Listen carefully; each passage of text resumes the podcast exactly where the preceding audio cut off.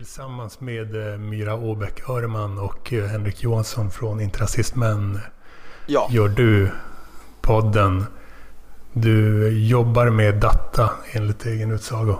det stämmer. Jag jobbar Trots- med intern support. Trots det så är du inte riktigt nöjd utan du kan inte låta bli som sagt att avreagera dig på allt dumt du ser i det offentliga samtalet. Och det gör du i podden Haveristerna till exempel genom att ofta uttrycka det typ det så jävla efterblivet eh, att de här Ja, jo, det, personerna gör det här och det här och eh, det är arbetsläger och de borde malas ner. Det är en standardfras typ. ja, jag tycker att det är, det är väl lite grann ens plikt som tänkande människa att eh, ondgöra sig över allting som är dumt. Sen vad man tycker är dumt, det spelar egentligen inte så jävla stor roll. Men så länge man i alla fall är någon, någon form av engagerad i vad som händer omkring en. Tittar man på till exempel alla som jobbar i någon form av vårdyrken och tjänar nästan inga pengar alls för att utföra ett hårt arbete eller de som är anställda på multinationella koncerner som drar in miljarders miljarder och skatteplanerar bort allting. Medan de anställda inte tjänar särskilt bra och är lätt utbytbara. Deras arbetsgivare försöker försvaga LAS och eh, ja, med allt det i åtanke så hejar jag hellre på arbetarklassen än på arbetsgivarna och kapitalet.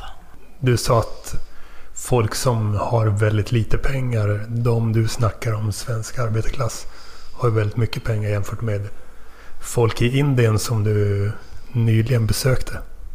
Ja, jo absolut. Det går ju att ha det mycket, mycket sämre än att eh, vara arbetarklass i ett av världens eh, mest välutvecklade och rikaste länder. Skulle du kalla dig själv för ett personligt varumärke?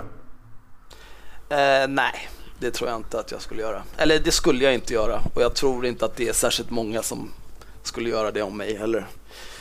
Du, Det här är allting jag gör som inte är... Det, det är mer en, det här, allt jag gör är mer av en hobby än någon form av eh, projekt för att bli någon mediaprofil eller någon ambition att bli en proffstyckare i SVT Opinion. poddprofil är det ju eh,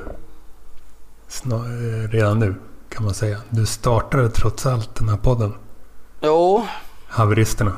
jo, men det är ju inte... Alltså vi har... Jag tror per avsnitt så har vi kanske tusen lyssningar under en period på 30 dagar per avsnitt. Så att det är ju liksom inte... Ja, men eh, utfall säger inget om ambitionsnivån.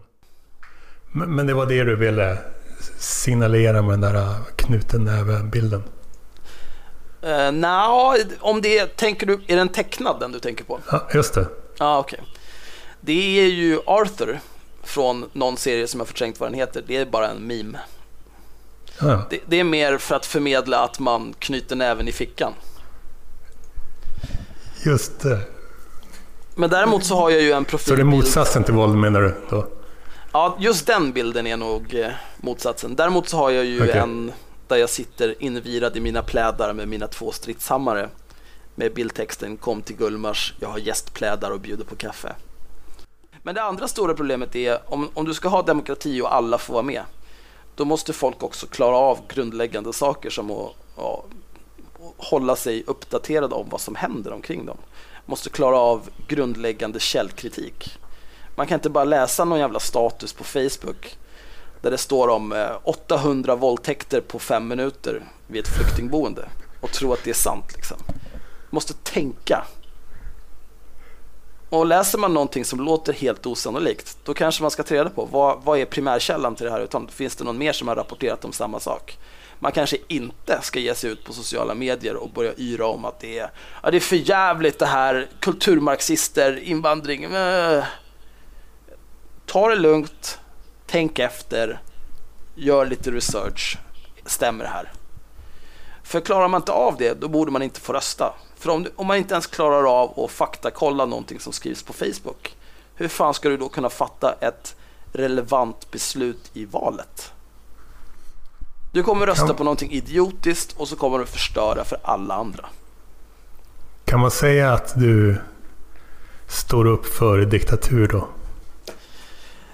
Eh, jag står upp för eh, en, eh, en allmänbildad, kunnig och källkritisk väljarbas. Sen förstår jag att folk inte har tid liksom att, att sätta sig in i varenda jävla detalj om allting. Men just när det kommer till vem ska styra landet och hur ska det styras? Det är rätt viktiga grejer liksom. Mm. Jag säger inte att jag säger emot dig, men varför just allmänbildning? Räcker det inte med källkritik och en nivå av ärlighet? Ja, det skulle också gå bra. Men eh, jag tycker allmänbildning är överlag ganska viktigt. Eller det har ju blivit mindre viktigt nu när du bara kan när alla har en mobil i fickan och kan ta reda på vad som helst när som helst. Men jag tycker, jag, demokrati är ju lite grann en förutsättning för att man ska få vara fri. Och alla människor, tror jag, har en önskan att vara fria. Jag tycker att alla människor förtjänar att vara fria. Men, men det kommer liksom också med vissa, vissa förpliktelser. Man kan inte bara äta godis varje dag liksom. Det går inte. Ska du vara en del av ett demokratiskt samhälle då måste du också engagera dig i det demokratiska samhälle där du lever. Och det, det innebär väl det. Allting som jag räknade upp förut. Ha koll på vad fan det är som händer. Inte hålla på att sprida rykten och osanning. Du vill ha demokrati i ett Sverige. Men du vill inte att alla nödvändigtvis ska få rösta? Nej, det tycker jag inte. Okej, så det är en ny form av uh, ny demokrati? Ja, selektiv demokrati. Det är ju liksom, det finns många saker som det är helt absurt att man får göra hur som helst. Du får till exempel inte köra bil utan att ha körkort. Men du kan skaffa barn precis hur du vill. Och det gillar du inte heller? Nej, det är väl kanske inte optimalt.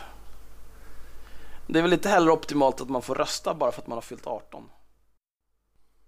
Alltså det är, det är inte viktigt för mig att Sverige är ett av världens bästa länder liksom så. Att, att jag lägger någon slags personlig prestige i det. Men eh, jag anser det vara belagt att Sverige är ett av världens bästa länder.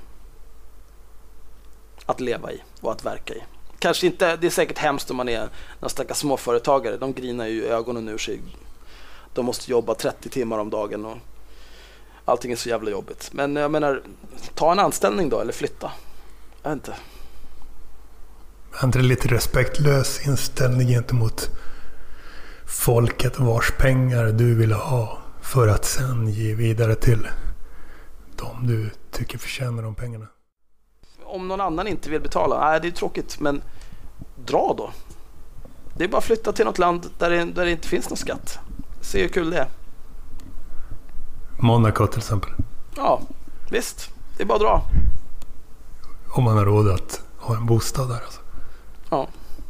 Det finns ju andra ställen. Malta ska vara bra har jag hört. Dit ska jag om en månad.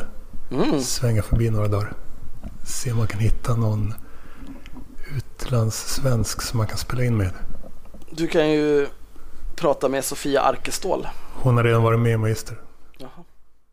Hör hela det här avsnittet i podden Ledare som man får full tillgång till genom att på länk i den här poddens beskrivning betala lite grann.